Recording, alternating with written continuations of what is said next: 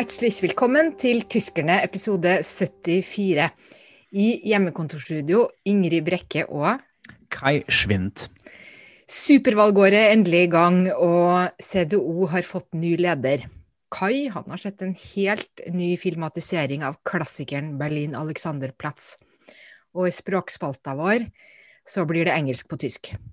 Men først til eh, Kristeligdemokratene sitt eh, landsmøte. Vi satt jo begge klistra til skjermene våre lørdag for å se hvem som skulle vinne.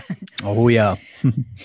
Friedrich Merz, Armin Laschet eh, og Norbert Røtgen stilte opp og holdt hver sine taler. Så det store spørsmålet var jo skal partiet gå til høyre med Merz, eller fortsette Merkel sentrumskurs med Røtgen eller Laschet.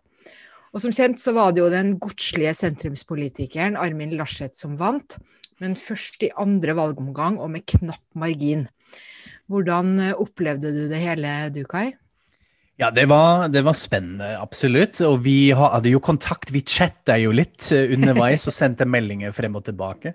Det som jeg syns var kanskje mest påfallende, var egentlig den iscenesettelsen av hele landsmøtet. Altså, dette var jo liksom det første helhetlige digitale landsmøtet som vi har sett.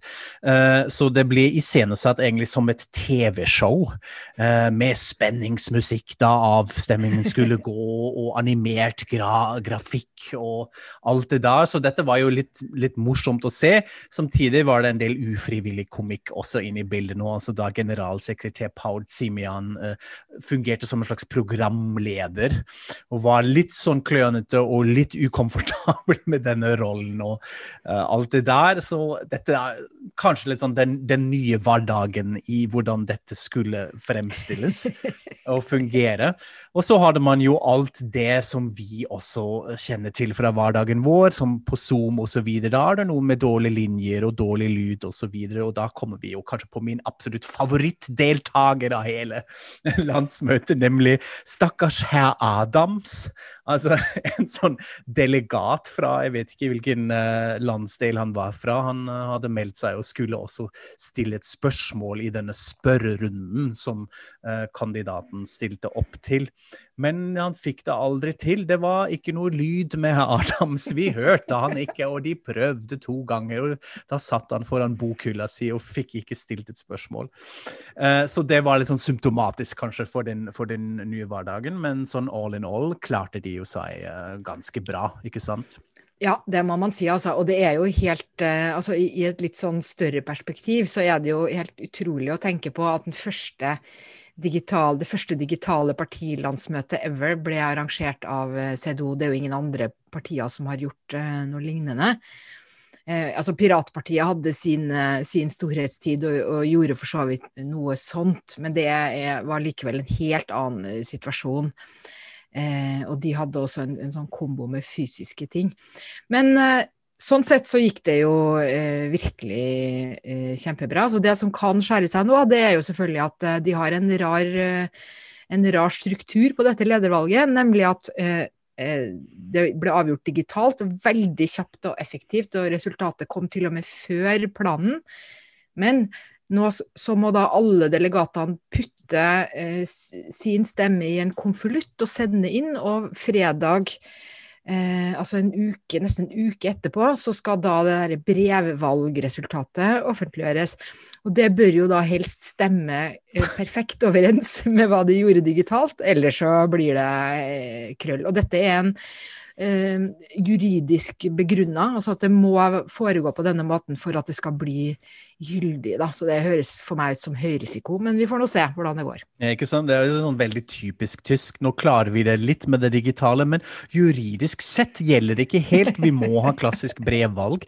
Og så er det jo litt spennende. altså Det var jo eh, kanskje litt, litt drama likevel, fordi i denne spørrerunden hvor eh, stakkars herr Albers ikke eh, ble hørt, så dukker jo plutselig også Jens Spahn opp, eh, som er den nåværende helseminister, og som stilte på lag med Amin Laschet, eh, egentlig. Eh, som ikke hadde noe spørsmål, men skulle bare ha, gi en liten kommentar. Ja. Hvorfor alle skulle stemme for Laschet.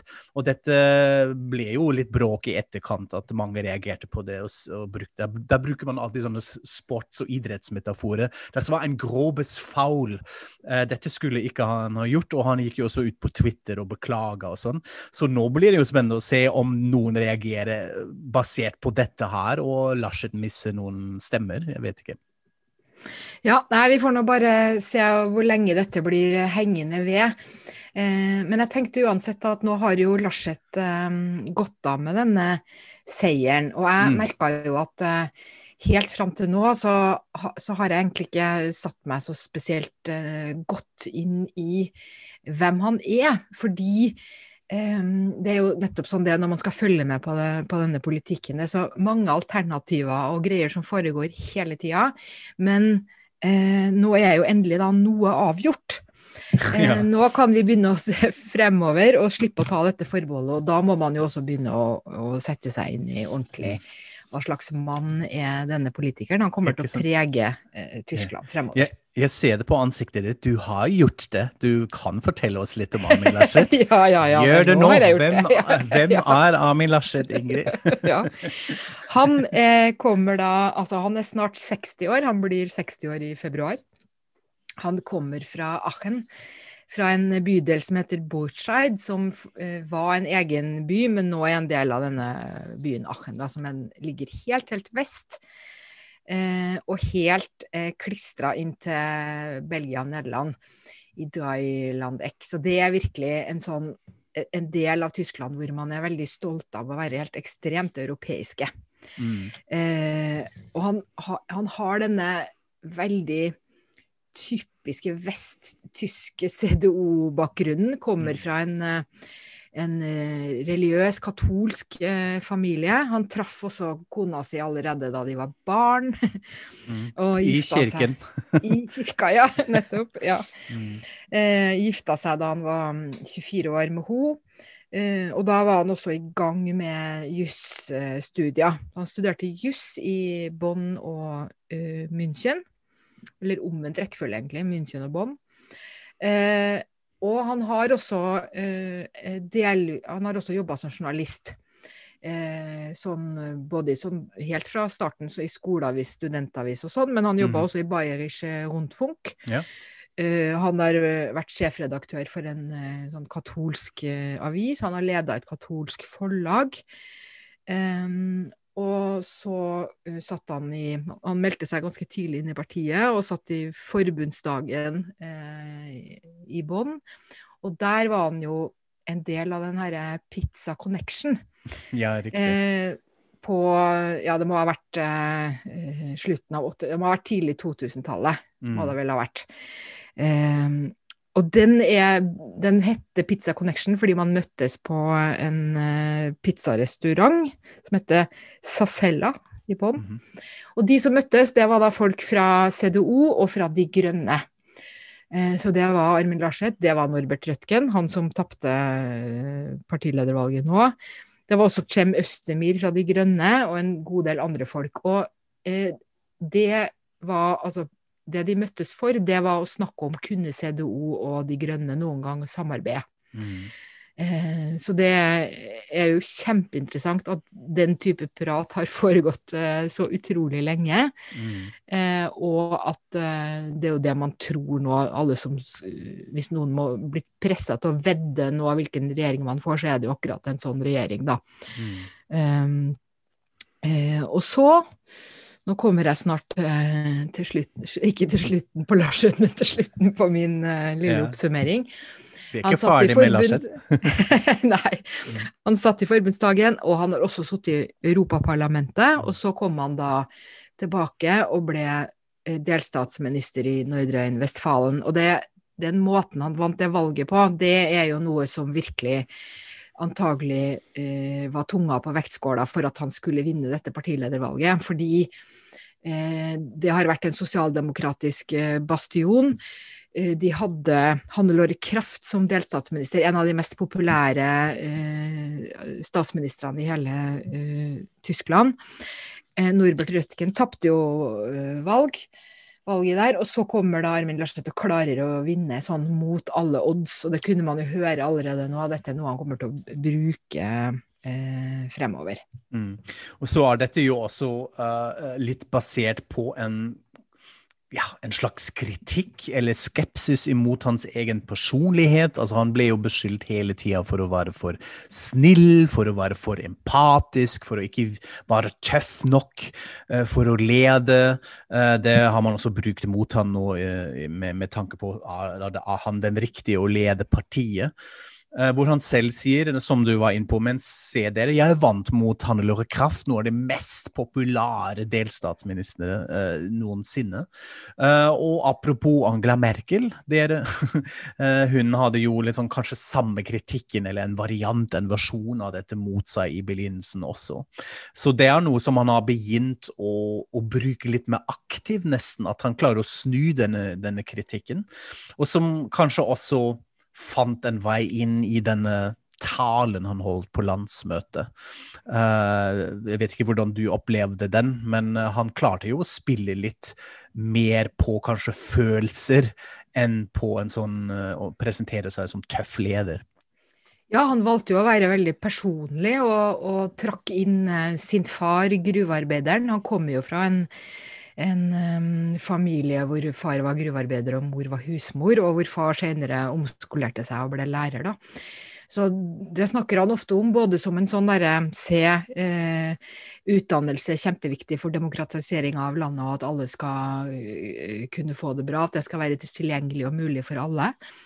Eh, og han, han, både begynte og avslutta talen sin med litt sånn gruvearbeidermetaforer. Og jeg syns det var så veldig Jeg måtte tenke litt på det etterpå, før, før det gikk opp for meg. Fordi eh, jeg har jo vært selv og intervjua en gruvearbeider i, eh, i, Essen, da. Oi, under jorda? Eller Nei, dessverre. Jeg fikk ikke adgang til gruva da. Det var veldig okay. dumt. Jeg intervjua hjemme på kjøkkenet hans. Men, men uh, han var veldig stolt av det samme som Larseth uh, spilte litt på, nemlig det at når du jobber i gruve, som er uh, alltid har vært et veldig farlig yrke med høy, høy risiko, der folk går ned som et lag og der det eneste som teller er kan laget ditt stole på deg, stiller du opp for mm. laget ditt hvis det skulle skje noe, ikke sant. Og samtidig så har også denne gruvearbeiderkulturen vært så veldig internasjonal. Altså at folk har eh, kommet i sånne bølger fra Italia, fra Polen, fra Tyrkia, ja. Og at man eh, at det at man også er stolt av det som et sånn internasjonalt miljø, da, fordi det har nettopp ikke vært noe annet som har vært viktig enn denne stole på-tingen. Eh, og det bruker Larseth eh, også nå som et bilde på dagens Tyskland, kanskje. Mm. Veldig interessant hva du sier, fordi jeg, jeg, tenkte i en litt annen retning og var egentlig litt overrasket at han brukte det. fordi for meg er den gruvearbeidere-metaforikken metaforikken fortsatt en sånn veldig SPD-preget ikonografi. Altså, dette er noe som, ja. som, er så sosialdemokratisk som det går an å bli i Nordrhein-Westfalen og være gruvearbeidere. Og jeg var litt sånn satt ut nesten at jeg tenkte jo jøss, fungerer dette? Altså Han velger nettopp det bildet her, som viser kanskje litt hvor eh, langt til midt måten CDU har beveget seg i, i løpet av de Merkel-årene, at dette fungerte og nådde frem til, til ja. delegatene. da. Ja. Syns jeg var litt interessant. Så har man jo kanskje motsatt Uh, en, en, motpol til dette, nemlig stakkars Friedrich Merz, som altså tapte, og da som mange mente, igjen basert på en dårlig tale som han holdt, holdt uh, under landsmøtet, akkurat som uh, i 2018, eller når det var når han tapte mot AKK. Og flere som har sagt at han igjen ikke klarte å være til stede i øyeblikket og snakke direkte til partiet. At han hadde en slags tale som var for generell. Litt for svada, litt for mye fokus på dette med å være autoritær, en sterk leder, som ikke fungerte på samme måte. Og vår eh, favorittpolitisk uh, journalist Stefan Detjen fra Deutschland, for han sa noe veldig smart. Han sa nemlig også at Uh, Mats har også gjennom hele denne valgkampen kjørt en disruptiv kampanje. Det han står for, av splittelse. Det å liksom pirke inn i ulike konflikter. Det å hisse opp en slags maktkamp. Litt sånn alfahanekamp med hverandre. At dette rett og slett ikke er den tiden for dette nå. Det er ikke det som, som fungerer. Kanskje også med tanke på pandemien eller hva. Så han tapte i, og var ganske sur, kan man kanskje si, på, på, hans måte. Ja, og det er jo helt påfallende da, at det første han gjorde etter han hadde tapt, var å uh, si høyt til alle at uh, nei, nå, da ville han heller sitte i regjeringa og bli økonomi, økonomi, økonomiminister, eller mm. næringsminister, altså wirtschaftsminister hvor det blir helt sånn derre hæ? Eh, Merkel var jo raskt ute og sa det kom ikke på tale. Og det er en helt meningsløs ting å komme med, for det er jo ikke uh, Skulle Merkel forandre regjeringa si fordi at han har tapt eh, valget, da, eller hva hadde han tenkt? Og, og Laschet kan jo ikke gjøre noe med det, for det er jo ikke hans regjering enda. Nei, det var mm. kjemperart. Og så skrev han et brev etterpå og liksom la seg litt flat, og, altså Mertz, da, og, og, sa litt sånn 'unnskyld at jeg oppførte meg sånn', og nå vil jeg gjerne være med i partiet, og alle bare skjønner ja, mm, særlig. Så det, det, det, er virkelig en uh, merkelig historie, altså. Men jeg, jeg, tenker nå at det som, er, det, som, blir spennende å se nå, uh, og som de masse analytikere Eh, sier kommer til å skje nå. Blant annet en jeg var på sånn Zoom-pressekonferanse med i dag, som faktisk heter Wolfgang Merkel. Mhm. Eh, eh, sier det at nå kommer vi til å se at CDO nå er de ferdig med dette. Nå er de ferdig med partiledervalget, ferdig med å snakke om disse splittelsene. Nå kommer de til å samle troppene og dure inn i en sånn, eh, et valgkampmodus. Og det er én ting som gjelder, det det å vinne det valget. Og de kommer til å vente til etter delstatsvalgene i mars. Da kommer de til å samle seg om en kanslerkandidat. Enten Markus Søder eh, fra Bayern eh, eller Armin Laschet selv, antagelig, eh, er de to som det nå er eh, snakk om. Så får vi se. Og, og, dette kommer antagelig til å gå relativt knirkefritt, virker det som om mange tror nå. Fordi at det er en tradisjon i CDO, i motsetning til hos sosialdemokratene, at man er mest av alt opptatt av denne makta. Man kjører ikke disse ideologiske kampene eh, to the bitter end. Og så dukker det kanskje opp igjen etter valget, da. Men det er nå en annen historie. Så får vi se. Eh, virkelig spennende blir det kanskje med Grønnpartiet. Hvem er kandidaten til Grønnpartiet. Dette ja. kommer jo snart også. Så. Ja, da kan jeg jo legge til, da, siden du sa det, at mm. uh, Wolfgang Merkel, uh, statsviteren, han er helt sikker på at de kommer til å velge Baerbock. Mm -hmm. uh, rett og slett fordi de, det, er det, det, er det mest logiske å gjøre. De kommer til å tjene veldig mye på å ha en kvinne og noen som er en ja. annen enn de andre. Mm. Og det skjønner de også. Så det kommer til å gå smertefritt for dem òg, mente han. Okay. Fordi det er så logisk. -hmm. Nå får vi se. Nå har vi, vi sagt hans spådommer, så får vi Ja. Men Livet er jo ikke bare politikk, ikke engang i mitt hode. Det er nemlig også kultur. er du sikker? ja, jeg vet ikke helt. Det føles litt uh, Ja. Mm. Men nå gjør jeg mitt beste, da. Nå skal vi snakke litt om kulturen, nemlig. Mm -hmm. og om en ny film. I fjor så kom det en ny filmatisering av en uh, klassisk roman, 'Berlin Alexanderplatz'.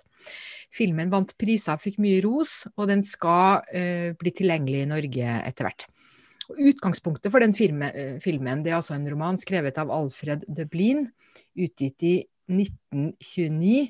Altså midt i denne kaotiske Weimar-tida som vi har blitt litt kjent med gjennom eh, TV-serien Babylon Berlin. Eh, og denne romanen er virkelig en stor klassiker i tysk litteratur, både som en sånn moderne storbyroman og i, i formen. En slags ekspresjonistisk roman som handler mye om det indre livet til hovedpersonen. Og hovedpersonen han heter da Frans Biederkopf. Han er en arbeider som nettopp har kommet ut av fengsel og prøver å bli en del av samfunnet igjen. Det viser seg vanskelig, kanskje nesten umulig. Og i denne nye filmen da, så er hovedpersonen bytta ut med en eh, Eller ikke bytta ut, det er kanskje feil å si, men hovedpersonen er da en flyktning. Og filmen foregår i, i vår tid. Fortell litt uh, hvordan det var å se filmen, Kai. Ja, jeg eh, var jo så heldig å kunne se pressevisningen eh, her i Oslo uh, av filmen, som er over tre timer lang. Uh, og jeg måtte jo ringe deg etter jeg kom ut fra pressevisning, uh, fordi jeg, jeg, visste ikke helt hva jeg skulle mene om den filmen. Jeg var helt satt ut, fordi det ble noe helt annet enn jeg hadde forventa. Og jeg satt med masse inntrykk, og det er fint at det gikk litt tid, så jeg kunne tenke litt på hva jeg egentlig skal mene om dette. Og nå har jeg egentlig landet på at jeg syns at den er faktisk ganske bra. Kanskje veldig, veldig bra. Eh, det er noe med den forventningen man får etter f.eks. å ha sett traileren til filmen. Uh, og også etter åpnings, åpningssekvensen av filmen, som vi kan uh, straks snakke om. Men jeg tenkte at vi kanskje kan høre litt på traileren selv, så dere får et lite inntrykk av uh, hvordan filmen høres ut, hvordan folk snakker. Uh, vi hører på det nå. Jeg visste du det, Jon? I was a refugee all of my life. I did what I have to do. Now I got a second chance. Ich will gut sein. This one isn't for you. Not yet. Du willst etwas sein, das du nicht sein kannst. You want to be good in a world that is böse. Sei nicht dumm. Du hast Potenzial. Es ist nicht leicht, sich dem Teufel zu entziehen, wenn man ihn einmal zu sich eingeladen hat. Noch ein Wort und ich spreche dir den Hals. Ja, jeg vet ikke hvordan, hvor godt det kommer frem uh, fra lyden her, men uh, man forventer altså mer et sånn litt mer beinhard sosialrealistisk drama om hvor forferdelig det er å være flyktning i nå dagens Berlin. Men filmen er for, for, det første mye mer poetisk i sin fortelling og også i estetikken enn det man skulle forvente. Dette, Så du mener i forhold til romanen? Ja, absolutt, i forhold til, til romanen, og også kanskje det som, som, man ja, bare ved å se på den traileren trodde, kanskje. Og det er da spesielt denne åpningssekvensen som er utrolig fascinerende, fordi da ser vi hvordan flyktningen, altså hovedpersonen som heter Francis eh, i filmen, eh, fra Guinea-Bissau i Afrika, og uh, kjæresten hans um, er på åpne havet, på Middelhavet mest sannsynlig, og hun drukner foran han. Han klarer ikke å holde fast i henne, han slipper ut, og hun synker ned i det dype, svarte vannet. Uh, men alt er litt sånn uh, i et rødt lys, fordi han klarte å fyre av en sånn signalpistol med en sånn mm. rødt lys. Så alt er litt sånn druknet i det røde lyset, og det er uh, samtidig som det skjer noe forferdelig, også utrolig vakkert å, å se på. Så jeg tenkte jøss, dette, dette, har jeg ikke forventa i det hele tatt. At man, uh, at man leker litt med de, med de, følelsene da allerede da. Jeg, jeg tror det skulle bli mye mer rett fram, kanskje ha mye mer en sånn dokumentar filmaktig estetikk.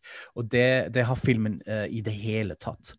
Så var også uh, iblant skuespill uh, veldig artifisiell og overdrevent. det fins en karakter som heter Reinhold, som er spilt av Albrecht Schurch, som vi kjenner igjen fra serien Bad Banks, og også fra filmen Systemsprenger, som vi har snakket om her på podkasten. Superkjent skuespiller som spiller veldig over the top og veldig for mye, og nesten sånn teateraktig. At man uh, Ja, litt sånn brecht forfremdungseffekt, forfremmelseseffektmessig, blir litt sånn tatt ut uh, av det hele tida, som altså tydeligvis er meningen med filmen. Eh, så finnes det også så lange sekvenser hvor vi bare er med i, i, en klubb i Berlin, og det er en sånn stor dansesekvens som minner litt om det vi kjenner fra Babylon Berlin. Så den er um, på en måte mye mer artifisiell, og så skinner jo selveste romanen til Dublin gjennom hele tiden. Litt sånn på godt og vondt. Eh, fordi da blir det plutselig litt sånn klisjéete, og det handler plutselig om gangsters i Berlin, og også forholdene til Francis med kvinner virker litt sånn eh, Litt sånn som de har falt ut av tid, egentlig. Og da, det er da romanen kommer, kommer gjennom. Så um, på, på, en, på, den måten, og så når jeg tenker litt på det, så klarer jo filmen at, å trekke noen linjer fra denne isolasjonsfølelsen romanen til Dublin snakker om. Litt sånn det du var inn på, at dette er en sånn modernistisk roman. Det snakker om storbyfølelsen og hvordan det er i Weimar republikk. Vi har kanskje en litt mer sånn postmodern filmopplevelse med tanke på musikk og uh, sjanger, det, jeg var litt inn på. Helt til en sånn samfunnskritisk kommentar i dag. Hva betyr det å være flyktning uten papirer i Berlin i dag? Du blir redusert til kroppen din. Du blir misbrukt på mange ulike nivåer. Uh, og så handler den, akkurat som romanen selv, også om om et menneske som prøver å være god, altså å gjøre det moralsk riktige. Han sier det selv, Francis, flere ganger. 'Jeg vil prøve å være god'. Vi hørte det i traileren nettopp. Men som aldri får det til. Han får ikke sjanse egentlig å bli en god person. Han blir narkotikadealer. Han havner ved siden av sporet og får det ikke til. Så det syns jeg var ganske, gjorde sterkt inntrykk. Og så en liten detalj til. Regissøren Burhan Kurbani en veldig hotshot regissør i Tyskland. Han sa også at filmen handler om hvorvidt det å kunne et språk gir deg tilgang til et samfunn, til en ja. kultur, eller ikke. Eh, det er samme som, som, skjer med Francis. Han lar seg tysk etter hvert, men det er andre karakterer som ikke gjør det, og de får eh, på en måte ingen mandat til å delta. Eh, de, de, får ikke lov å være med, og dette illustreres veldig sterkt uh, i, i, denne filmen. Ja. Ja, så det er verdt innsatsen. Altså en litt komplisert og voldsom film som du anbefaler å bruke litt tid på. Absolutt. Uh, og filmen blir jo lansert på Berlinale i fjor, i Berlin, på filmfestivalen. Og så falt den litt gjennom stolene. Pandemien kom, uh, og den ble egentlig aldri visst ordentlig. Uh, så nå ble den sakte og forsiktig lansert internasjonalt. og skal da altså også komme til Norge snart, og da anbefaler jeg at man ser på det. Man trenger litt tid, som sagt, tre timer pluss, men det er verdt det. Bra. Da skal vi eh, over til dagens eh, språkspalte. Og jeg føler det litt som at koronaen bare smyger seg inn i alle uh, kanter her. Ja, ja, ja. Enten det er filmlansering eller i, i mitt, ord, mitt, valg av ord til ordspalten. Det er nemlig home office. Mm -hmm. um, og det har jeg valgt fordi at det, det, er det hjemmekontor heter på tysk. Det heter home office. og det um, har dukka opp eh, selvfølgelig veldig mye nå, fordi eh, man diskuterer disse reglene rundt bruken av hjemmekontor og under pandemien og sånn. Eh, og som man jo ofte gjør når man skal eh, snakke om et språk, eller tenke rundt et språk som man ikke behersker helt, så har jeg lagd meg noen lagde deg noen sånn kulturelle teorier. Nå er jeg spent. Hva, hvordan, hva kan det ha seg at Tyskland altså tysk ikke har et tysk ord for hjemmekontor. Mm -hmm, Selv ja. Norge har jo klart altså både, både, i Norge og Tyskland så bruker vi jo mye sånne engelske Vi overtar mange engelske begreper, men når selv vi har klart å liksom lage hjemmekontor, hvorfor ikke i Tyskland? Mm. Så tenkte jeg nei, det må jo være noe med at det er så upassende i Tyskland å drive med sånn hjemmekontor at man skal absolutt gå på det derre firmakontoret ja. og sitte i det store hierarkiet sitt, og sjefen skal herse og styre, og du skal aldri gå hjem og bare jobbe hele tida, ja, sånn. Mm. Eh, men jeg må vel innrømme at eh, det kanskje ikke var en sånn veldig gyldig, gyldig teori og at det egentlig handler om uh, den derre forkjærligheten for sånne uh, å bruke engelske ord. Mm. Uh, og det som egentlig er, morsomst, er at det er engelske ord som på en måte nesten ikke er engelske heller. Altså, I England bruker man ikke home office på denne måten. Der betyr home office innenriksdepartementet. Mm. Mens man sier kanskje mer sånn 'working from home'. Mm. Så det er en slags konstruert ord, leste jeg i en veldig klok artikkel i Frankfurter. Allgemeine Zeitung. Ja, og det er jo sant. Altså, det kan jo bety at vi er så selvhøytidelige at vi mener det å jobbe hjemme er like viktig som å jobbe på Innenriksdepartementet i Storbritannia.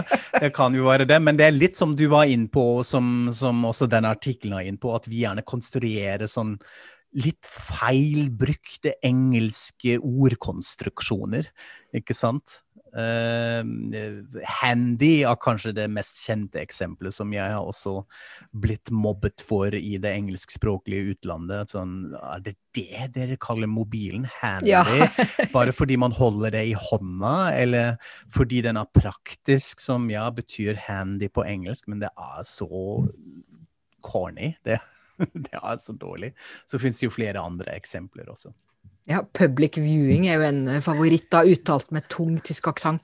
Som er det man gjør når man f.eks. ser skal se sånn fotball på storskjerm. Da er det Jeg klarer ikke å parodiere det, men eh, Public viewing. Men hva, Ja. men hva er det egentlig på engelsk? Dette er et sånn eh, å vise frem eh, en, en avdød uh, person. Oi, at du ligger i det sånn likvake? Likvake, Ok, ja. mener jeg har hørt. Ja, nettopp. Ja. Ja, vi må så- slutte med det. Ja, må, ja. Og så prøvde jeg jo da selvfølgelig å tenke ok, greit, enn hvis vi ville ha et tysk ord, hva kunne det hete? Og så slo jeg opp i en sånn engelsk-tysk ordbok, og der står det f.eks. Häusliches Arbeitszimmer. Men det er jo ikke et hjemmekontor, det er jo sånn arbeidsrom i leiligheten. Det er jo noe annet. Byrå zu Hause. Eh, det, ja, jeg vet ikke, det høres ikke så bra ut. Men så prøvde jeg Google Translate. Den, det foreslo rett og slett heimbyrå. Men det høres jo Mhm. kjemperart ut, gjør det ikke? Nei, jeg, jeg, jeg syns heimbyrå, fra alle de varianter du nevnte nå, syns jeg den fungerer ganske bra. Eh, den kunne vi begynne å innføre. Altså, det, det kan jo være fordi jeg er så vant til å bruke det norske ordet hjemmekontor, at, at eh, det gir plutselig mer mening for meg nå. Men heim, heimbyrå funker fint okay. for meg. Skal vi bruke det litt? Ja, vi kan godt si heimbyrå, altså. Nei, okay. for denne oversetteren eh, som skrev i, i FSZ, hun uh, spurte på slutten av artikkelen hvorfor kan man ikke bare si på tysk som man jo gjør på engelsk, warum arbeiten wir nicht einfach von zu Hause? Altså Ja. hvorfor kan man ikke bare si jobbe hjemmefra? Mm. Nei, hun tror kanskje det er fordi man ikke helt vet hvordan man da skulle skrive zu Hause. Skulle det være i ett eller to ord, og med hvilken stor bokstav og alt. da. Så derfor så bare sier man Das Home Office. Så Ja. det er jo en eh, forklaring. Absolutt. Og veldig fin selvironi fra forfatteren. Vi har humoristisk sans i Tyskland. Sånn. Ja. Veldig bra. Da eh, er det på tide eh, å si takk for oss eh, fra Das Home Office, her eh, Home Office Studio. Fra heimbyrå, mener du? Ja, fra Ja. Heimbygå. Mhm. Eh, eh, og auf Wiederhören, og bare del og lik og alt dette på Facebook, og følg oss på Instagram. Og ha det kjempefint både på hjemmekontor og, og overalt i uka som kommer. Auf Wiederhören. Auf Wiederhören.